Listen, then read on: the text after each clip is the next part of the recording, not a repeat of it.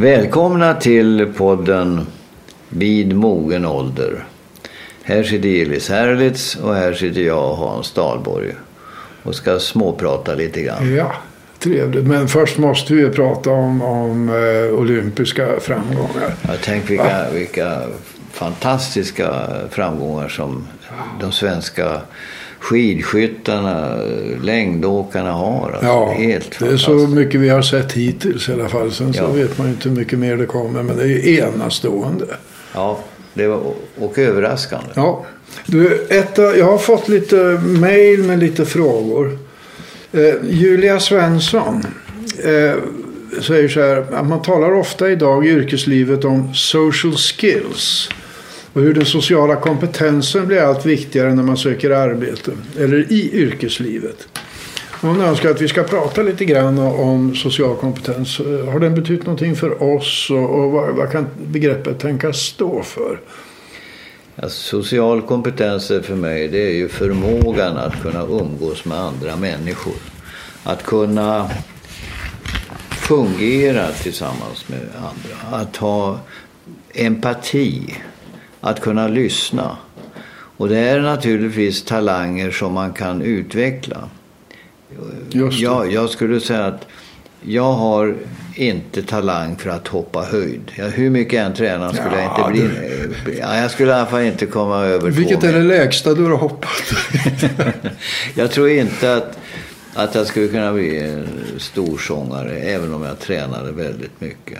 Språk skulle jag kunna utveckla, liksom matematik. Ja. Det tror jag har läggning för.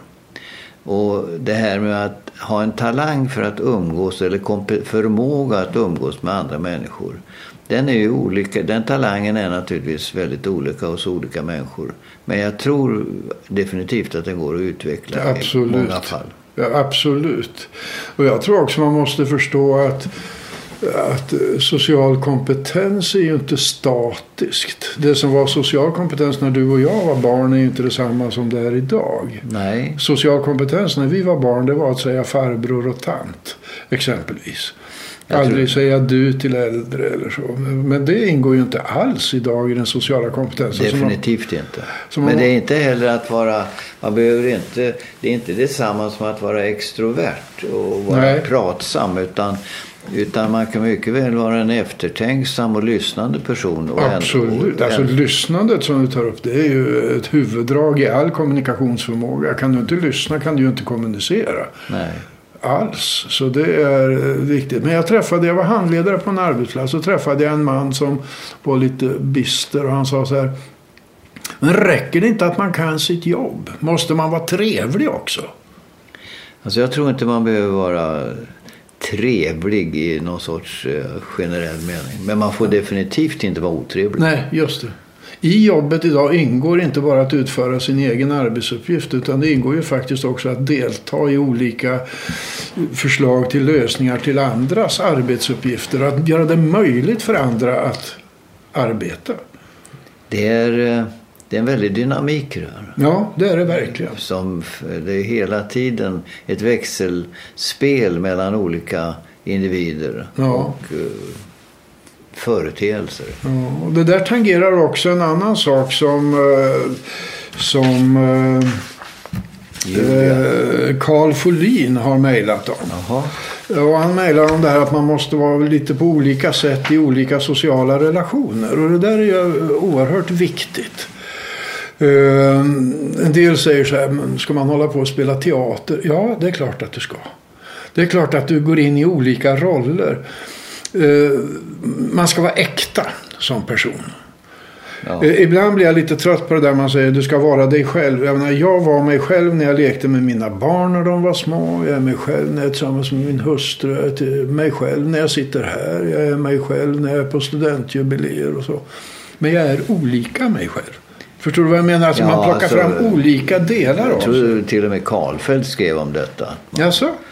Man talar med Med bönder på bönder. bönders vis och lärde män på latin. Ja, just det. Och det, det är naturligtvis också en förmåga att eh, kunna läsa omvärlden Ja. och, och se att på den här, på den här våglängden Mm. hittar vi varandra. Just det. Och i den här våglängden hittar jag en annan grupp. Ja, just precis. Och det, det är inte helt... eh, Det är, det är naturligtvis en förmåga. Ja, det är det verkligen. Det är en inkännande förmåga. Just det. eh, att förstå eh, hur det där fungerar. Jag har ju varit på arbetsplatser där det finns de som liksom sitter och öser ur sig saker i personalrummet. Sin syn på homosexualitet eller invandring eller narkotika. Bara öser ur sig. Har ingen aning om vad kollegorna bär på i sina ryggsäckar. Vad de har Det är oerhört avslöjande om, det sitter, om någon sitter och gör på det där sättet. Ja, och det, det menar jag. Alltså, man kan inte uppföra sig på samma sätt med sina vänner som med sina arbetskamrater. Det går inte. Därför att vänskap kan du fly ifrån. Du kan göra slut med folk. Men det kan du inte göra på en arbetsplats. Sam, samtidigt är ju vänskap enligt, enligt mig är så otroligt viktigare än, än nätverk. Ja, Men nätverken å andra sidan har en funktion i eh, arbetslivet. Sen, sen tycker jag som sagt var, de där nära vännerna, det är värt betydligt mer än, än huruvida vä- nätverk man har. Jag har ju haft möjligheten via näringslivet, via kulturen och via akademiska livet bygga upp olika nätverk. Det är inte så att jag har gjort det på något sätt medvetet. Det är bara det att jag känner en massa människor och en massa mä- människor känner mig. Och det, det underlättar ju när man, kommer i, när man ska ta en kontakt. ja klart. Det, bankvärlden är ju full av konferenser och liknande. Och det är klart att istället för att ringa upp Deutsche Banks verkställande direktör och säga Ja, god dag, jag heter Hans Dahlborg och jag eh, företräder den och den banken uppe i Norden och så vidare. Så kan jag säga, hallå Hilmar, det här är Hans. Och då vet han, ja det är han där uppe. Och ska- bygger då på någon sorts tilltro. Det är ju inget beroendeförhållande på något sätt utan det är bara det att man har passerat den här presentationsfasen. Ja, just det. Och det där, är, du använder ordet tilltro. Jag tror att det, alltså begreppet förtroende tror jag är alltså centralt i mänskliga relationer. Inte minst på Absolut. arbetsplatser.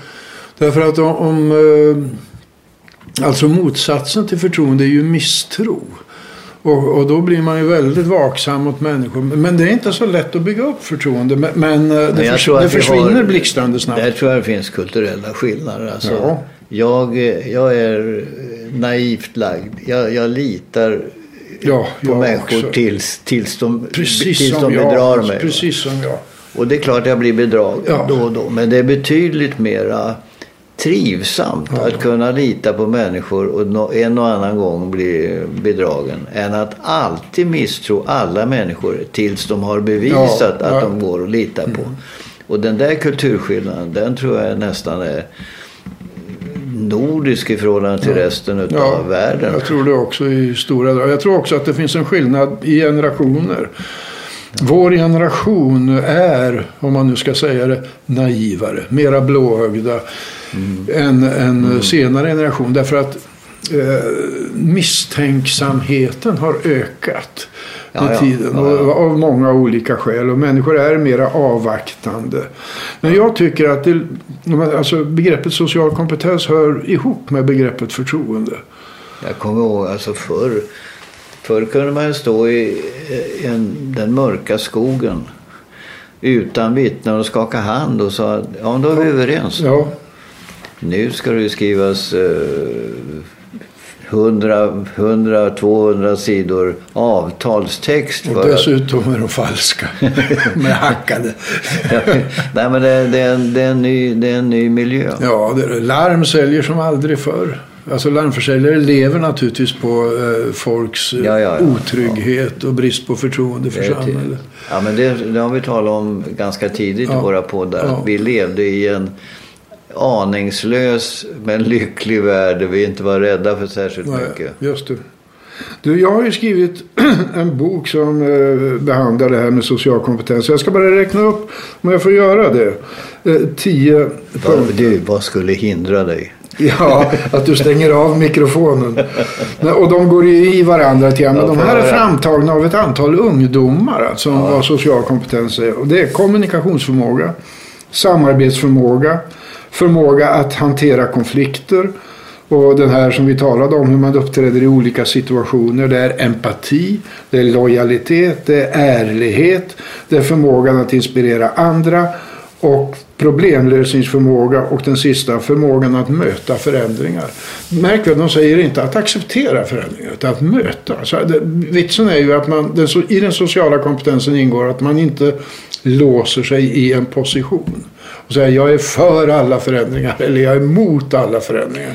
Men det, det, det är också en väldigt fin balansgång här som gäller konflikter. Mm. För att om man bara, det är ju inte fråga om att vara konflikträdd. Absolut Utan att möta konflikter på ett sakligt, lugnt och, och uh, konstruktivt ja, sätt. Och förstå att olika konflikter Absolut. kräver olika former just av hantering. Man kan inte stånga sig blodig för en liten struntsak. Man måste ju välja konflikter också. Man måste absolut välja sina strider. Ja. Det gäller att ta de strider som är meningsfulla ja, och har relevans. Och som betyder mera för, för mig än för dig. Menar, ja, det finns ju ingen anledning om du skulle diskutera någonting som rör dig mycket mer än vad det rör mig. Mm. Så finns det väl ingen anledning för mig att gå in i konflikt.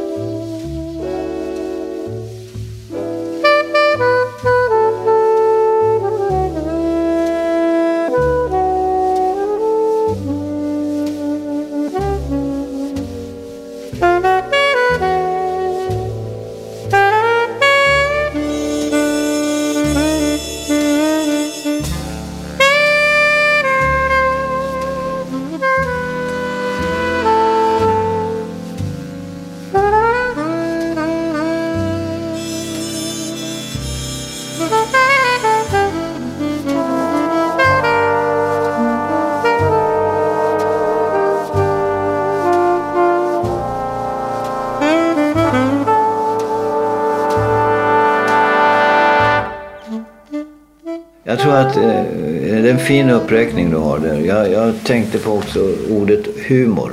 Ja, det är väl underbart. Alltså det är ett smörjmedel i, i, i den sociala samvaron som ja. är ibland helt oöverträffad. Mm. Vi har ju pratat om det tidigare att vi då talar om den där varma humanistiska humorn. Ja, inte inte,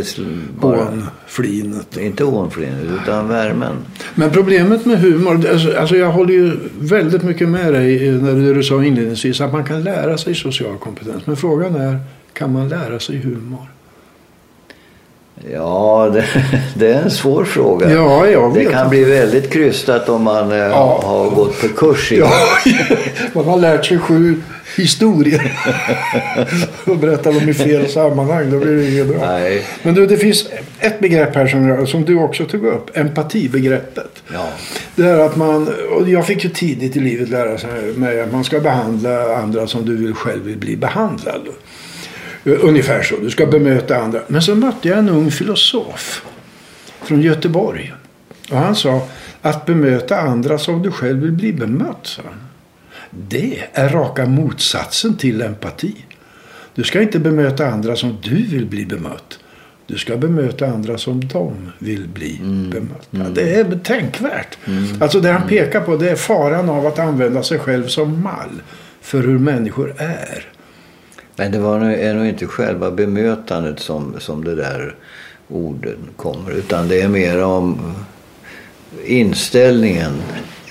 Rättviseinställningen ja. till medmänniskorna. Ja. Men, men, jag håller fullständigt ja. med din, din kollega där, eller din vän. Att, att det gäller ju att, att empati är ju absolut individanpassat. Ja. Det, den empatiska när man går in i ett annat, en, i en annan människos känsloliv för att säga ja, det är de här bakomliggande faktorerna som gör att du tänker och tycker så här. Just det. Det är den processen som, som naturligtvis är olika för olika människor. Ja, och det måste man vara lyhörd nog för ja, att ja, förstå. Ja, ja. Begreppet lojalitet är också intressant därför att jag har ju upptäckt att en del på en del arbetsplatser, och det är inga vidare sådana, så sätter man likhetstecken mellan begreppen lojalitet och lydighet. Alltså lojalitet i en ledningsgrupp, det fick jag ju uppleva många gånger. Det innebär att man säger ifrån Just innan precis. beslut kommer, innan beslut är fattat. Ja. Så här tycker jag. Ja. Och det är alla i ledningsgruppens uppgift att tömma sitt hjärninnehåll och säga så här tycker vi och så här har jag tänkt igenom frågan. Så småningom ligger det ett antal argument på bordet där man så måste ta ett beslut. Ja. Och den som då har ansvaret att ta beslut säger nu har jag lyssnat. Det här, nu, tar, nu gör vi så här. Och då kräver lojaliteten eh, eh, nästan de som då inte får sin vilja igenom. Att säga okej, Ja. jag accepterar det och jag kommer till och med att stödja det. Absolut. Så att före beslut så måste man kunna, kunna definitivt eh, ha olika uppfattningar. Men när, när, när beslutet väl fattat då måste man ställa upp på det för annars kommer det inte att fungera. Mm. Och då, det leder ju till att att om man har istället någon som sitter och tjurar och inte säger ett ljud under själva beslutsprocessen. Men sen utanför dörren säger vilka idioter. Ja, eller går till media. Ja, då, då, då är det som i Bibeln. Man är en orm vid sitt bröst. Ja, och det blir det därför stora spänningar då måste man skiljas åt. Det var en, en eh, mycket välkänd svensk företagsledare för ett mycket stort och framgångsrikt företag som sa, eller skrev, Min stjärna som chef började dala när jag började omges av ja-sägare. Ja men självklart. Ja. Alltså, men, men alltså, det, bruk, det, det är väl viktigt, du som har varit chef i så många år. Jag brukar säga till folk, du ska inte vara lojal med chefen. Du ska vara lojal med verksamhetens mål. Absolut. Du, du är med på Ja, det? fullständigt. Sen, sen om chefen då, eller den som tar beslut, beslutsfattaren säger det här beslutet. Ja. Ja, då är ju det en Ja. sorts konfirmation utav det beslut, av, av ja, mål, måluppfyllelse. Absolut. Men, men du har helt rätt. Ja. Det är ett intressant ämne det här du. Med socialkom. Tycker du att du har haft stor, ja, du har redan eh, noterat eh, inom vissa områden hur, att, det, att det har varit viktigt för Ja. dig i ditt yrkesliv? hela, hela, allt, allt fungerande ledarskap bygger på att man också utöver så att säga att man har normala utförsgåvor för övrigt har en social kompetens. Ja. Man får nämligen i ledarskapet inte, alltså en chef får sitt mandat uppifrån. En chef är en person man måste följa. I ledarskapet ligger att man får sitt mandat ifrån omvärlden. Just det. Som säger det där är en person som jag är beredd att ge, Ja. ge tillit till. Jag är beredd att följa den personen. Och där finns det både formella och informella ledare. Och jag har varit lite överraskad. Intressant att höra hur du har förhållit dig till det i dina chefspositioner.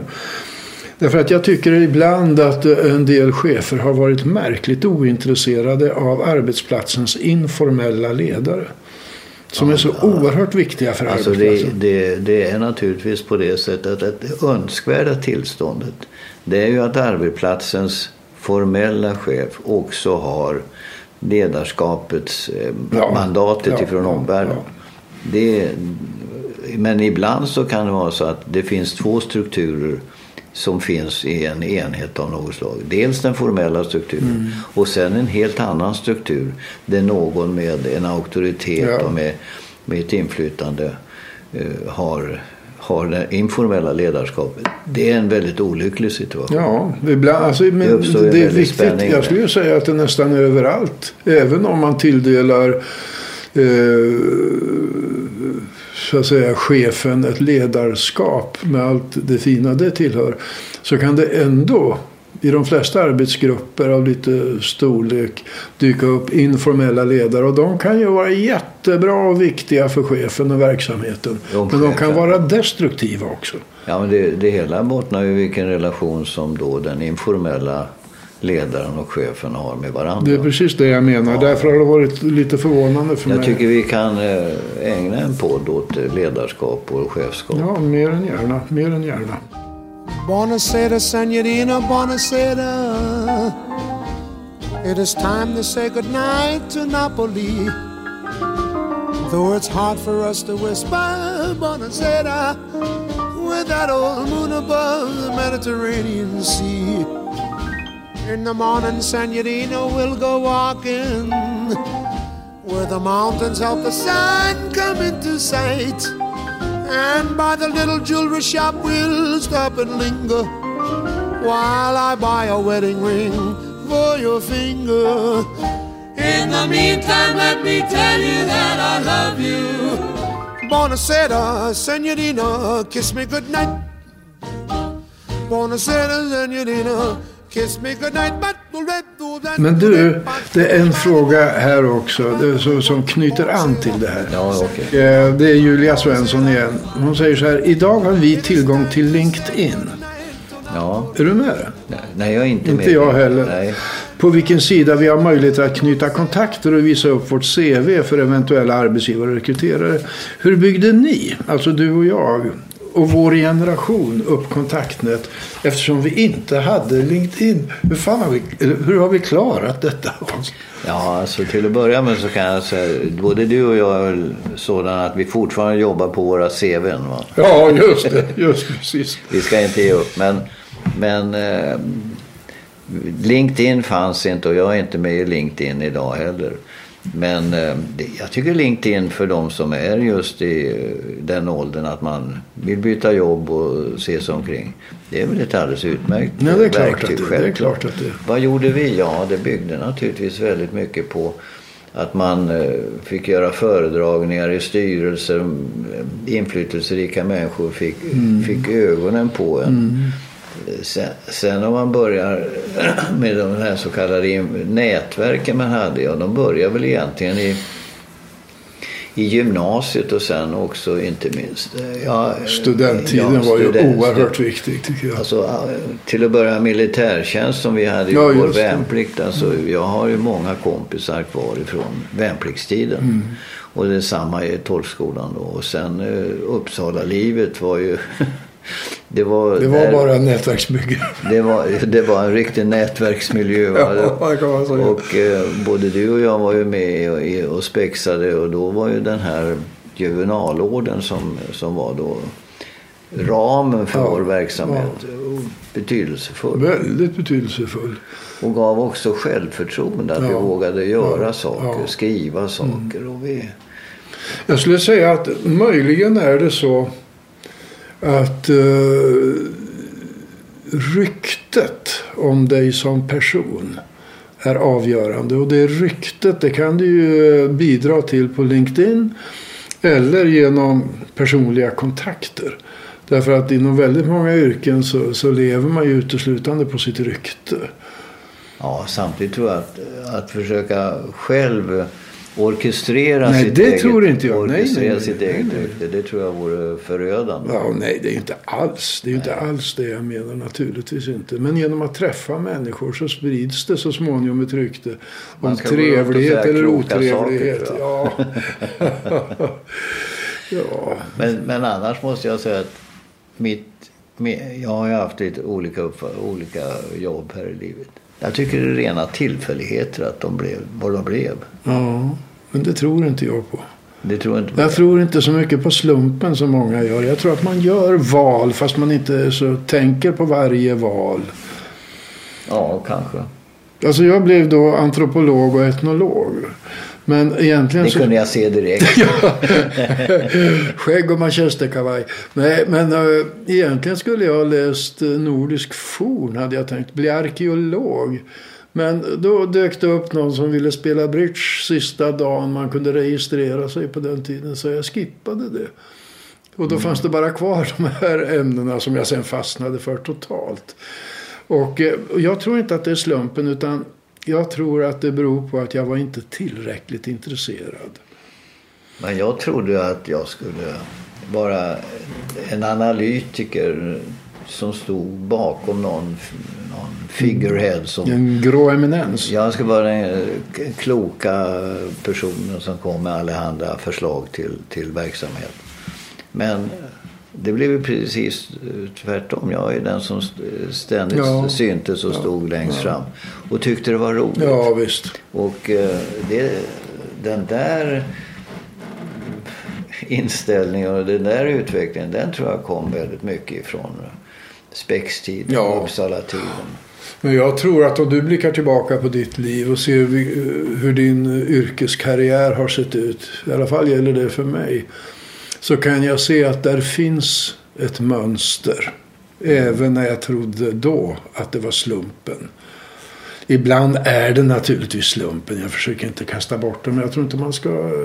Nej, men det, när jag säger slump så är det att stå på rätt plats i rätt ögonblick. Ja, det är sant. Det är sant. Och, med dem, och eh, bli uppmärksammad av någon Ja. som, som har betydelse för det beslutet. Men vi kan väl ändå konstatera som slutkläm att även om vi inte hade LinkedIn så tyckte även vi att etableringen av nätverk, eller, alltså inte medvetet, men det var viktigt. Ja, Att ha den sociala Ja, ja, kompetensen jo. och lära känna människor. det, så är det. Och eh, jag tror att blyghet, många, många hindras kanske utav blyghet att, att bli synliga trots att de egentligen har en väldigt god social förmåga. Ja, Och den här blygheten den tror jag man kan eh, arbeta med lite grann eh, ut och få bort. Det beror ju på vad man, hur, vilken uppfostran man fick när man var liten.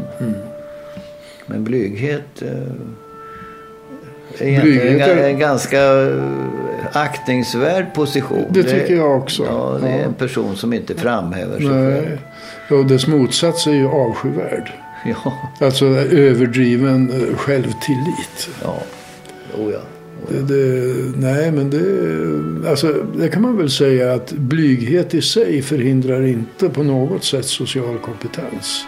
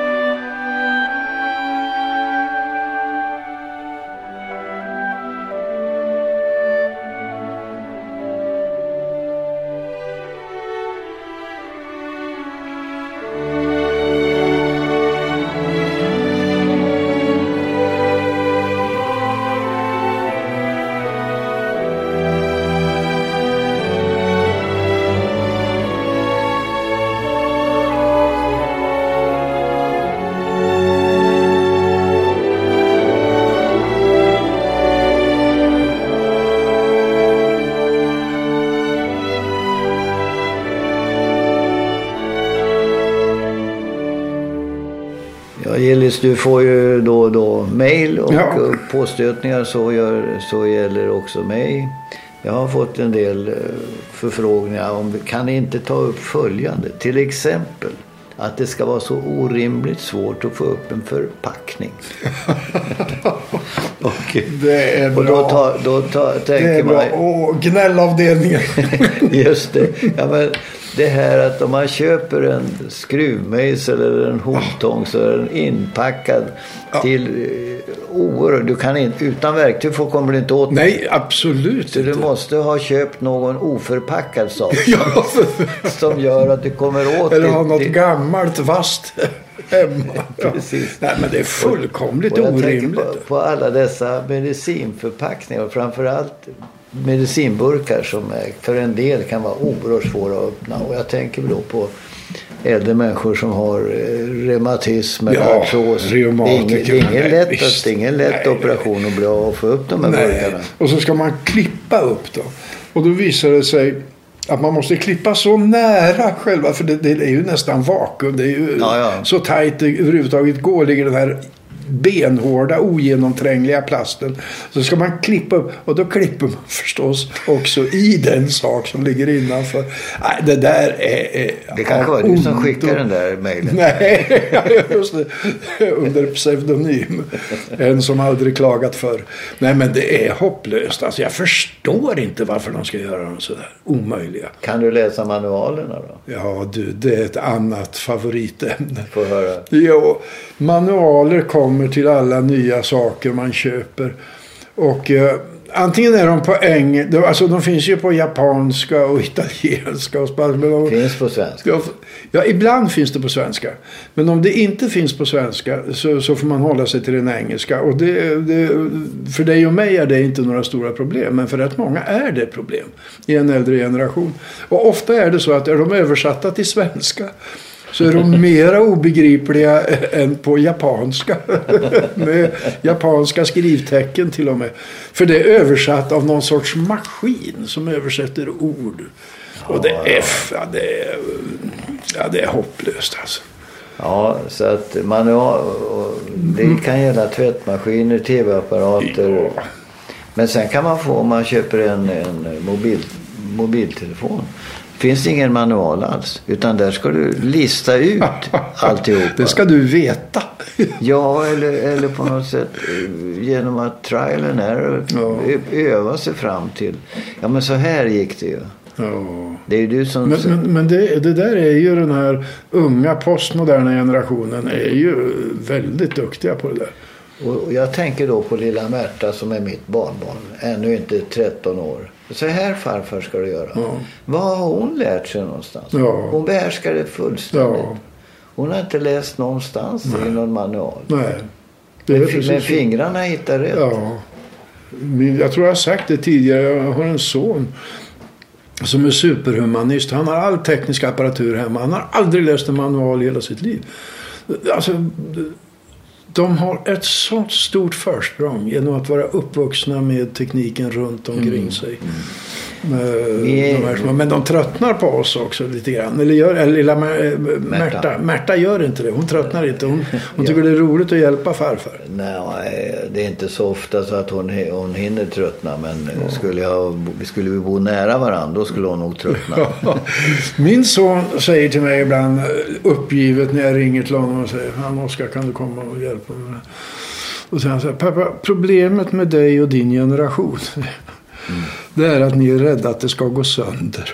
Ja, Och han har alldeles rätt i det. Men När han hade sagt det så sa jag ja det är ju så. Jag vågar inte trycka på det här för tänk om det försvinner. jo men jag tycker ibland om man sitter och skriver ett eh, sms, nästan klar. Då ringer telefon, man svarar och så sen ska man gå tillbaka. Då är den borta. Det, Det ligger för- i utkast. Ja, även i- utkast finns det inte på sms. Alltså, ja, det är möjligt. Ja, det är möjligt. talar vi mejl. Talar vi mejl nu? ja, nej, nej, vi, vi har ju lite grann kvar att lära oss, både du och jag, av hur tekniken funkar för att det ska passa oss. Men det är ju säkert Ja, att om man en- idag inte är ett dugg intresserad av att se då tror jag man är lite rökt om en fem sex år. Har du några synpunkter? Jag har fått en sån här, också en sån här lite gnällsynpunkt. Man har blivit slarvigare i trafiken att till exempel visa, visa uh, körriktning. Ja, det är inga pilar som åker ut. Nej, men, nej men överhuvudtaget Ja. så väldigt... för, när man bytte fil, då gav man tecken. Mm. Ja, det gör man inte längre. Ja, jag vet inte, men det kanske är färre som... Jag, eh, grejen är väl att jag irriterar mig ohyggligt på de där som inte signalerar vart de ska. Ja. Men det har tillkommit en ny blinkning. Och det är när man kör ut ur en rondell så måste du blinka ut dig. Du måste blinka höger när du ska köra ut. Ja, men det är Men inget nytt. Jo. Det fanns aldrig när jag gick i körskolan. Jag vet inte ens om det fanns rondeller. Det fanns knappt bilar. Nej, men det fanns väl inga rondeller? Jo, det gjorde det. Rondellen är ju ganska, ganska ny Mm. och har naturligtvis haft mycket positiv inverkan Mycket på, på trafikrytmen. Ja, har du kört, eh, efter att ha kört bil i många år med högertrafik och kört i rondeller. Har du kört bil i England eller du körde naturligtvis bil i Australien och så. Men eh, alltså att rondellerna i vänstertrafik är är en prövning. Det är en prövning. Då Ja. gäller det att man, att man vet att man, även när man kör ut, är, har vänstertrafik. Ja, verkligen. Men backspegeln är också en sån där sak. Ibland känns det som att människor inte tittar i backspegeln överhuvudtaget. Du vet den där som Ja, sitter där man ja, kan se bakåt. Nej men det är, man får det intrycket. Sen tycker jag naturligtvis det här att sitta och skriva sms vid ratten. Nej, men det är ju sanslöst. Men nu är det ju förbjudet, förbjudet. Från första februari i år får du inte tala i mobil. Jag tror inte ett ögonblick på att det kommer att kunna hävdas på något sätt. Tror du inte? Ja, hur ska, poli, trafikpoliserna, hur ska de hinna följa upp sånt?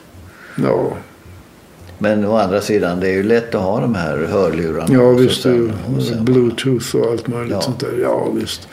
Nej, men eh, jag tycker nog generellt så håller inte jag riktigt med det där. Alltså det är klart att vi sitter och blir irriterade på folk som inte följer regler och så. Men generellt med tanke på vilken fruktansvärd skillnad det är i bilmängd idag mot bara för f- 25 år sedan. Så Det- tycker jag det flyter på hyfsat bra. I mitten på 70-talet var jag chef för, då hette det Skandia, Skandias bilförsäkring, all privatförsäkring. Ja. Och då var dödstalet i trafiken på ett år över tusen personer. Och snälla nån. Och idag är det ju neråt, jag kan inte siffran, men 250-300 högst. Det är otroligt med tanke på hur Ja, mycket medan fler... trafiken då har mångdubblats. Ja. Så Vad beror det visst- på tror du? Ja, ökad säkerhet. Säkerhet i vägarna, planfria korsningar men framförallt bilarnas, Bilarna, kvali- bilarnas kvalitet. Säkerhetsbälten, krockkuddar, Ja. allt det. Ja. Så visst, visst har det, säkerheten förbättrats enormt. Så att det balanserar ju av då, att Ja, man inte visar ja. körriktning. Nej, just det. Fast det ska man göra. Ja. Och med detta avslutar vi den här podden för den här gången. Ja. Man ska visa körriktning. ja, just det. Ska vi avsluta eh, då? Här är polisen Polisen. som mitt i gatan står. Han visar hur man kör, han visar hur man går. Ibland visas skönt och då är gatan fri. Då kilar alla bilarna så vikt för här. Här är polisen som mitt i gatan står och visar hur man kör och visar hur man går. Ibland visas stopp och så är gatan fri. Då kilar alla bilarna så kvickt förbi. Du, du, du, du, du, du, du.